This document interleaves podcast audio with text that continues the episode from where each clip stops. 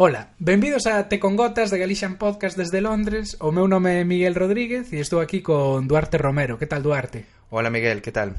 Moi ben, con moitas ganas de comezar Aquí esta, esta nova andaina Sí, este primeiro primeiro podcast, primeiro episodio de Te con Gotas uh, Que bueno, como, como, como comezamos con isto, Duarte? Bueno, pois pues comezamos, eh, a ver, eh, para dar un pouco de contexto Miguel e eu coñecémonos hai dez anos na Facultade de Ciencias da Comunicación de, en Santiago E agora mesmo estamos os dous traballando no mundo da comunicación aquí en Londres, eu traballo de investigador de audiencias no, no xornal o Daily Telegraph. E eu traballo na Press Association, que é unha, que é unha xencia de noticias.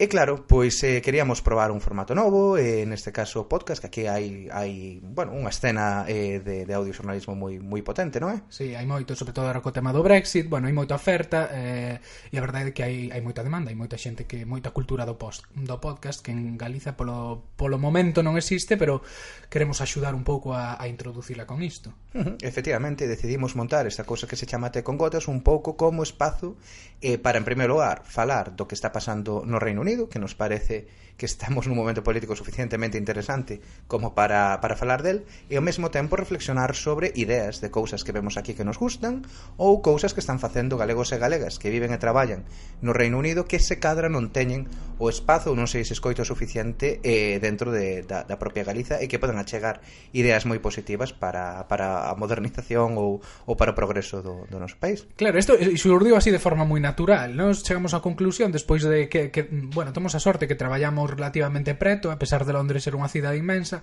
quedábamos para xantar E sempre había, falábamos, bueno, do que estaba a acontecer co Brexit, ou despois falábamos do que estaba a facer fulanito ou menganito, sempre eran cousas moi interesantes, e era reparar que ninguén ali sabe do, do que galegos están a facer aquí, eh, e moitas ideas, moitas cousas eh, innovadoras que están a acontecer no Reino Unido, que poderían ser exportables ali, ninguén sabe delas. Entón, bueno, simplemente pensamos de forma humilde e tamén entretida, eh, podemos, podemos, podemos trasladalas a través de, deste podcast. E hoxe imos comezar con un un tema que aquí está sendo realmente importante, que dentro do acordo que está intentando aprobar Theresa May no Parlamento, o acordo eh, do Brexit, que non ten maioría para, para pasalo precisamente polos escollos que está topando coa fronteira de Irlanda. Imos falar de por que iso é importante e de cara ao final imos ter a nosa primeira entrevistada, Adriana Roca, que é unha investigadora da, da Universidade de Oxford que está especializada en neurociencia clínica que nos vai contar un poquinho como está a cuestión da investigación e das ciencias no Reino Unido e que se pode aprender do, do, que, fai, do que se fai aquí mm, en, bueno, de cara a traer en Galiza. Pois pues nada, xa presentados, comezamos. Dentro intro. Think about Brexit. What, what's that? Order! The nose to the left, 432. Wow. The light, with the music, very welcome everybody here. A Brexit question in English, if you don't mind. Bueno, no, hombre, no lo vamos a hacer. Venga, adelante. ¿Quiere usted hacer el puñetero favor de largarse de aquí y de... No va usted a hacer nada ya. Do you like a cup of tea? Yeah, sure. Go on, have a cup of tea. Thank you, thank you.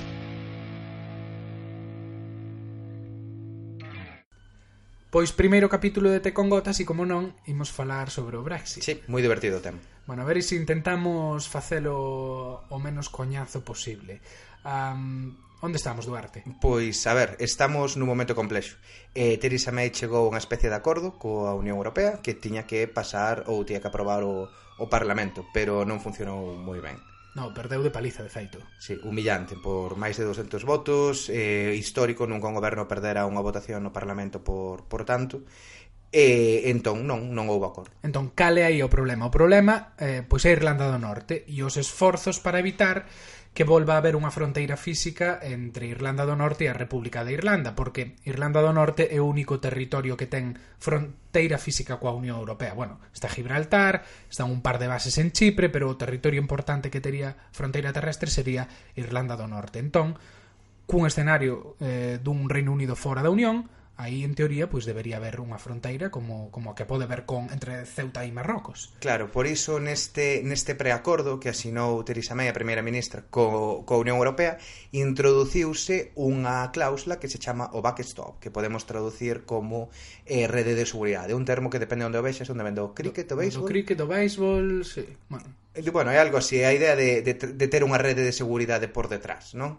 Eh, entón, en que consiste isto? Pois, eh, cando o Reino Unido saia da Unión Europea o 29 de marzo que As 11 da mañá está previsto en teoría. Sí, Eu son escéptico de que vai ser o 29 de marzo, en calquera caso. Pero vale, de sair o 29 de marzo Aí o que se activa é un período de transición de dous anos No que a Unión Europea non es... ah, Perdón, o Reino Unido non está na Unión Europea Pero sigue funcionando máis ou menos polas normas da Unión Europea sigue no mercado común, sigue na Unión Arancelaria, pero non ten representación nos órganos de goberno da Unión. Xa, por exemplo, xa non se presentaría as eleccións europeas de maio, xa non tería voz e voto, pero seguiría de, funcionando en base á regulación europea eh, que existe agora mesmo. Efectivamente. Eh, neste, neste período de dous anos, o que queren conseguir é asinar un acordo novo, un acordo eh, de libre comercio ou asinar unha, cal, cal vai ser a nova relación entre Reino Unido e Unión Europea. Agora ben, E aquí é onde entra o backstop. Que pasa se logo deste período de dous anos non se chega a ese acordo? Que entón, para evitar esta fronteira física con entre Irlanda do Norte e a República de Irlanda, entraríase nunha nova situación. Nunha nova situación teóricamente eh, temporal e de emerxencia, pero que faría que Irlanda do Norte e o resto de Gran Bretaña, onde están Escocia, Gales e eh, e Inglaterra vayan a ter legislacións distintas. É dicir, Irlanda do Norte quedaría no mercado común e Gran Bretaña non estaría no mercado común, senón que só estaría na Unión Arancelaria.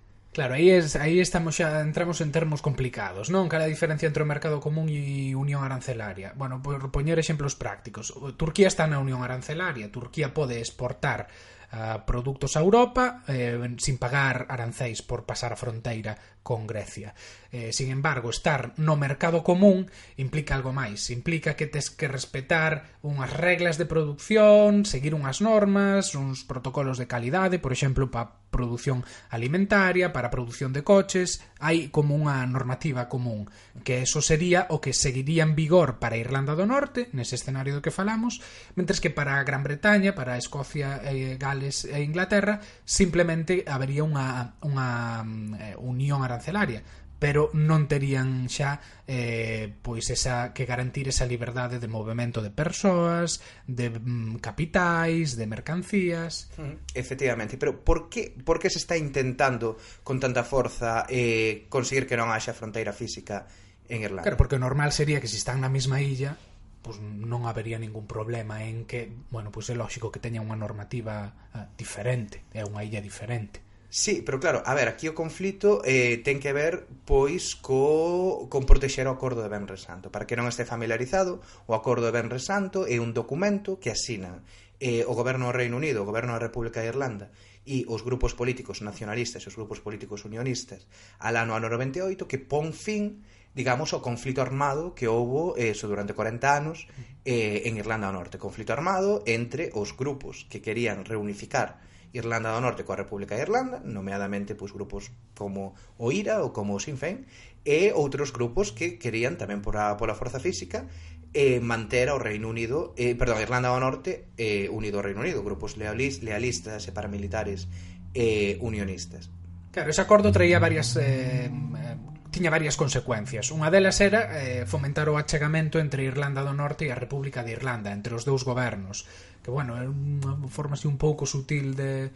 Non reunificar, pero, bueno, eh, achegar posturas despois de moitos anos de, de división eh, e despois eh, recoñecer o dereito de autodeterminación de, de Irlanda do Norte a, en caso de que quixera mm, sair do Reino Unido e pasar a formar parte da, da República de Irlanda. E por outra parte, moi fundamental non ter unha fronteira física que eu poder haber unha libre circulación de persoas e de mercadorías entre a República de Irlanda e, e cidades como Derry, como Belfast. Entón, claro, cale, cale o risco de, de ter unha fronteira? O risco de ter unha fronteira pode ser que grupos que non grupos armados que non están de acordo co acordo do Benre Santo volvan a ou recrudezan as, as, as accións que están tomando hai unhas semanas houve unha bomba precisamente en Derry e volvan a tomar pois, os postos fronterizos como obxectivos que eran obxectivos moi importantes durante eh, durante o conflito eso é un peligro pero que pasa? Eh, este backstop non está non está sendo unha solución aceptable para eh, moitos para moitos eh, políticos conservadores nin tampouco para os unionistas irlandeses. Lembremos que te, o goberno de, de, de, de Theresa May, o goberno dos conservadores, depende de 10 votos clave dun partido que se chama Democratic Unionist Party, que quere decir Partido Democrático Unionista, que é un partido irlandés de Irlanda do Norte que ten como principal objetivo, e iso está no nome, manter a unión entre o Reino Unido e Irlanda do Norte. E baixo ningún concepto van a aceptar que Irlanda do Norte vai a ter unha regulación distinta ao resto de Gran Bretaña. Eh, bueno, non aceptarían iso basicamente porque iso mm, podería levar a que a República de Irlanda de forma natural acabara eh, uníndose eh, con Irlanda do Norte. Si de repente Irlanda do Norte ten unha regulación diferente do resto do Reino Unido, bueno, pois eso podería facer que moitos ergueran a voz e dixeran, bueno, non ten sentido que continuemos que continuemos sendo países diferentes se nos reximos baixo unha mesma normativa e sinda por riba non temos a mesma normativa que o país ao que oficialmente eh, do que oficialmente facemos parte. E ainda por riba, outro dos problemas que ten esta backstop e que está costando moitísimos deputados conservadores aprobar é que tampouco ten unha cláusula de saída. É dicir, se xa o backstop é un proxecto dun proceso de emerxencia que só se daría de non chegar a acordo en dous anos, eh, se se entra neste limbo eh, o Reino Unido non tería ningunha opción legal, non habería ningún artigo, ninguna cláusula que lle permitise de xeito unilateral sair deste, deste acordo legal. Terían que estar eh, aí hasta que se chegase un acordo con a Unión Europea. E moitos políticos, con, bueno, non só conservadores, pero fundamentalmente os conservadores... Tamén os laboristas están en contra por ese motivo. Sí, sí, sí, sí, é verdade. Pero, bueno, eh, neste caso a división do Partido Conservador aí o que máis está afectando, pois din que non pode ser que non haxa ou ben un límite temporal por X anos ou que non teñan simplemente unha cláusula para poder romper. Aí agora algúns labor, algúns conservadores, perdón, están agora propoñendo que, por exemplo, eh, bueno, ao Reino Unido cando saia da Unión Europea vai ter que pagar unha cantidade importante de diñeiro por sair, entón están dicindo que se podería poñer o pago desa cantidade como condición para garantir que o backstop non vai ser eterno no sentido de, bueno, Unión Europea a ti tampouco se interesa que isto se convirta eh, nunha eternidade porque senón non vas a cobrar os cartos que debes cobrar do Reino Unido por sair. Eh, bueno, tamén falan desa, desa proposta así un pouco eh, de ficción de eh, aplicar unha tecnoloxía que permita que haxa un control fronteirizo sin haber físicamente unha fronteira que bueno, eso resume un pouco o que foi o Brexit, non? Falar de eh, ficción e unicornios. Ficción e unicornios e seguir para diante sin saber moi ben que o que vai pasar en dous anos. Um, pero bueno, si sí, así está, así está a cousa. E para ir pechando un poquinho, Miguel, que vai pasar? Pois eu non teño a nin idea. Eu honestamente penso que non non vai pasar o acordo de May no Parlamento uh, nas próximas semanas. Eu creo que está bastante complicado, sobre todo porque a Unión Europea non ten pinta de que vaya a ceder ao que ao que May pide, di que non é negociable o acordo que se chegou hai semanas e por tanto non, non, non vexo que aí vai haber ningún cambio entón eu non teño nin idea que vai pasar. Bueno, pois cando saibamos algo máis supoño que tamén o comentaremos aquí en Te con Gotas. Sí. De momento eh, o que imos facer é pechar este bloque e imos traer agora a Adriana Roca investigadora eh, na Universidade de Oxford que nos vai a falar un poquinho da, da, de como está o sector de investigación aquí. Música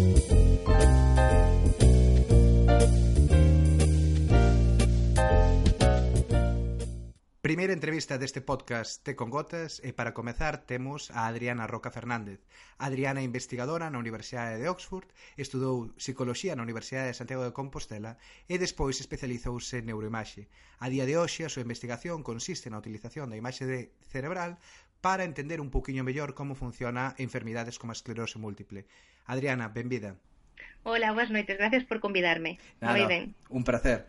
Eh, Antes nada, estudaste psicología e moitas veces cando pensamos na, eh, nunha licenciatura en psicología non asociamos necesariamente as saídas laborais co, co neuroimaxe. Pois, eh, se cadra a imaxe do psicólogo que estemos, pois, é eh, o típico psicólogo psicoanalista argentino nun diván, non? Entón, como se remata como se remata traballando en neuroimaxe en Oxford? Bueno, eu comecei a interesarme pola esclerosis múltiple fai moitísimo tempo eh, e entón empecé a ler eh, de pronto marchei en quinto de carreira marchei de Erasmus a Italia.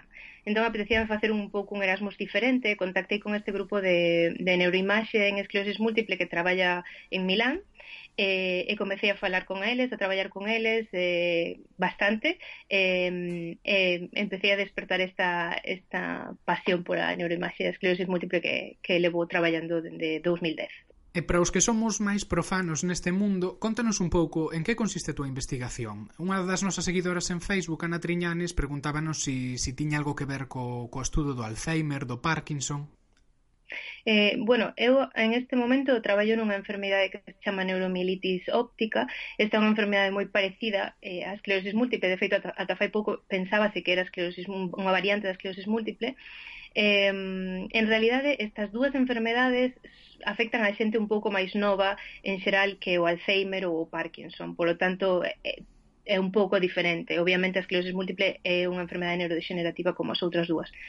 Eh, o que eu fago eh, é estudar eh, esta, eh, mediante técnicas de imaxe, é dicir, fotos do cerebro ou da retina, no meu caso, eh, como evolucionan estas dúas enfermedades, porque sabemos que a esclerosis múltiple ten un componente neurodegenerativo, aparte dos brotes eh, que todos coñecemos, mentres que a neuromielite óptica ten solamente un, brotes. Eh, non sabe, sabemos o que causa a neuromielitis óptica. entonces pensamos que estudiando esta enfermedade podemos descubrir moito máis sobre a esclerosis múltiple, eso é o que eu fago. A, a túa experiencia a, profesional é basicamente no, no Reino Unido que foi o que máis se sorprendeu da, bueno, do mundo da investigación aquí? Eh, bueno, eu entrei directamente, casi directamente eh, no Reino Unido a través de Oxford, co cal aquí eh, as cousas probablemente son un pouco diferentes ao resto das universidades eh, inglesas, pero o que me sorprendeu para ben eh, foi obviamente a gran financiación que ten esta universidade e eh, o, o fácil que é conseguir financiación en xeral para facer calquera cousa o grande, típicamente. Eh, a parte negativa é que... Perdón, Adriana, antes de nada, vou te interrumpir aí. Eh, eh, cando falas de, de financiamento sí. ou a capacidade de acceder a financiamento, eh, falamos de financiamento público ou de financiamento privado? Como... Eh, bueno, en realidade, en este caso, as, público e privado, porque eh, privado por parte da Universidade de Oxford eh, sempre hai como, digamos, un saco de cartos ao que se pode ir. Eh, por parte mm, máis privada eh, en canto a financiación de mecenazgo, tamén eh, todas as universidades de todo o mundo en Inglaterra pode acceder a, ao que chamamos as charities aquí, eh, que son como pequenas ONGs que ofrecen cartos para investigación e que recaudan cartos da xente da poboación.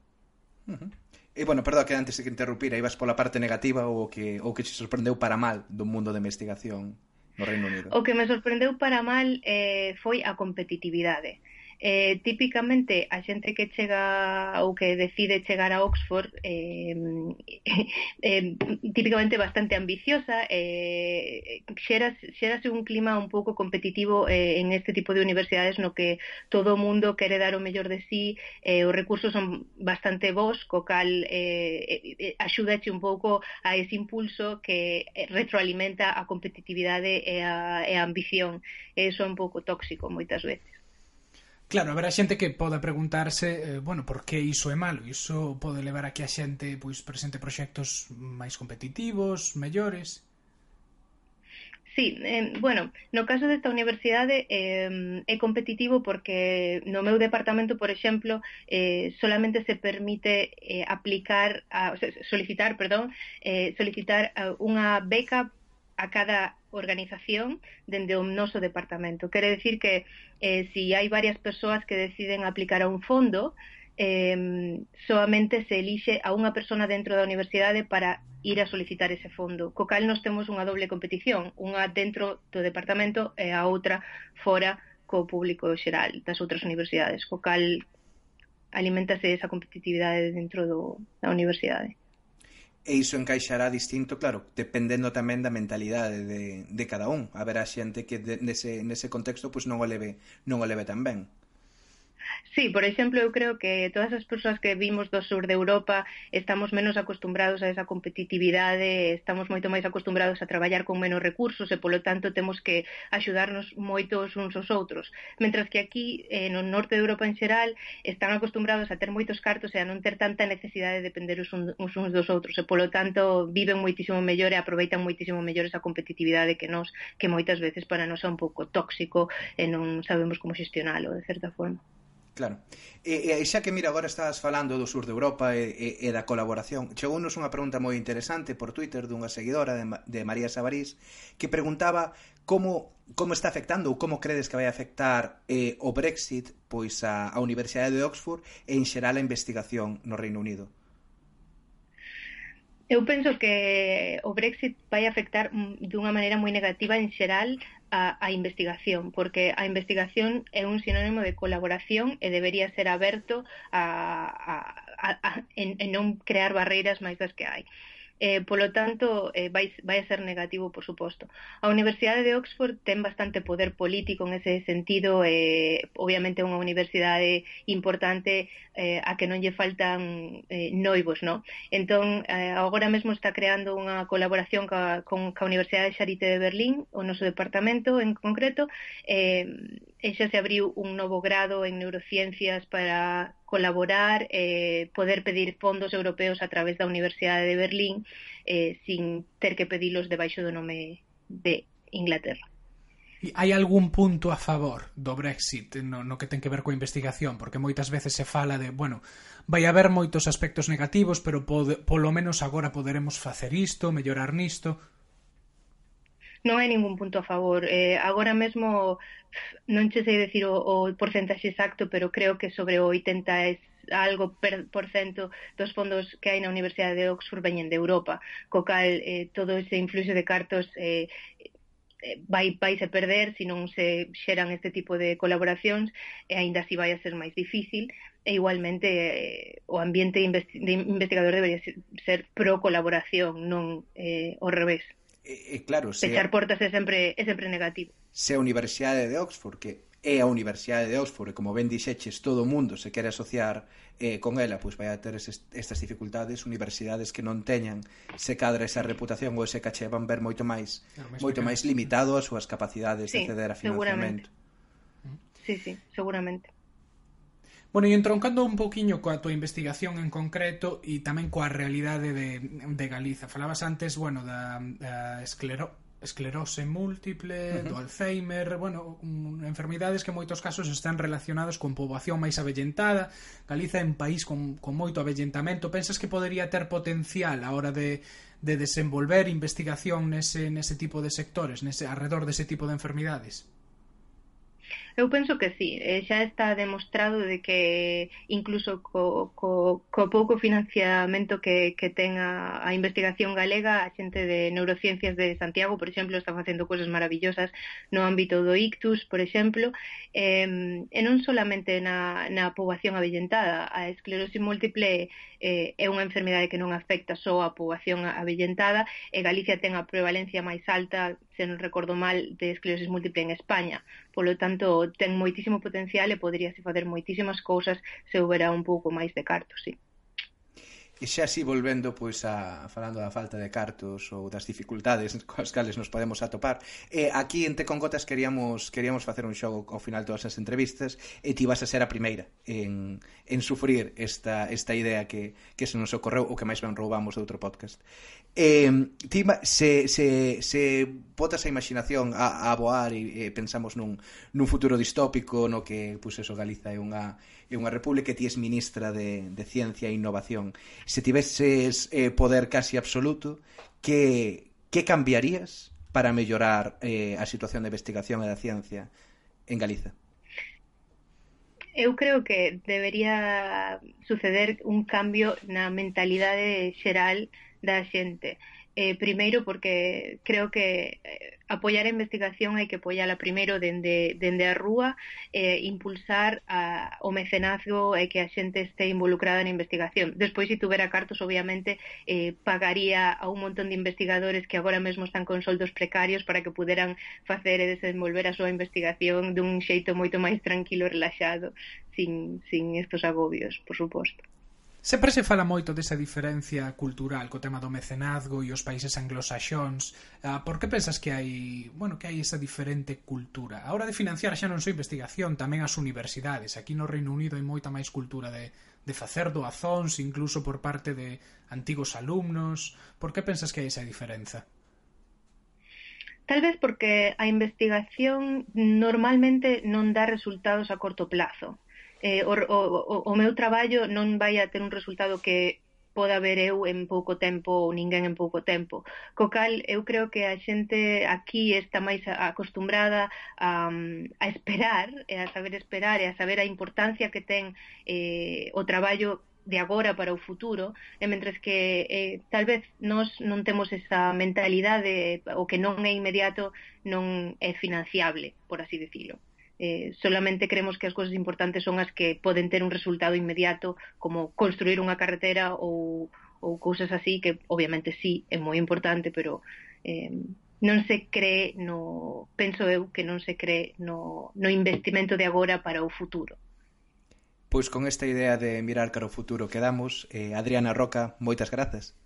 Moitas gracias Gracias a vos, moitas gracias. Bueno, Miguel, que che pareceu logo?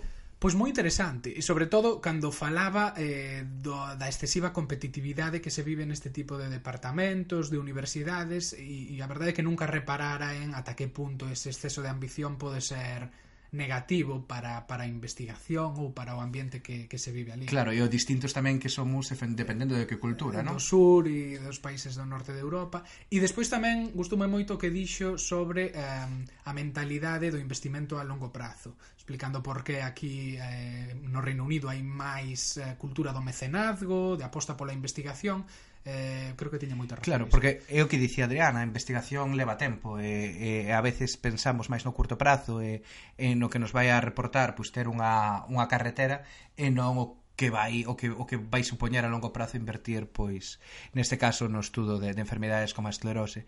E un bo exemplo disto pareceme o feito de que de que o orzamento para Imais de Maisí da Xunta de Galicia non se non se executase ano pasado e que parte deses fondos fosen para financiar a construción dun, dun novo edificio na, na Cidade da Cultura, non? Da, da a entender o que importa o a ciencia en, en Galiza. Pois sí.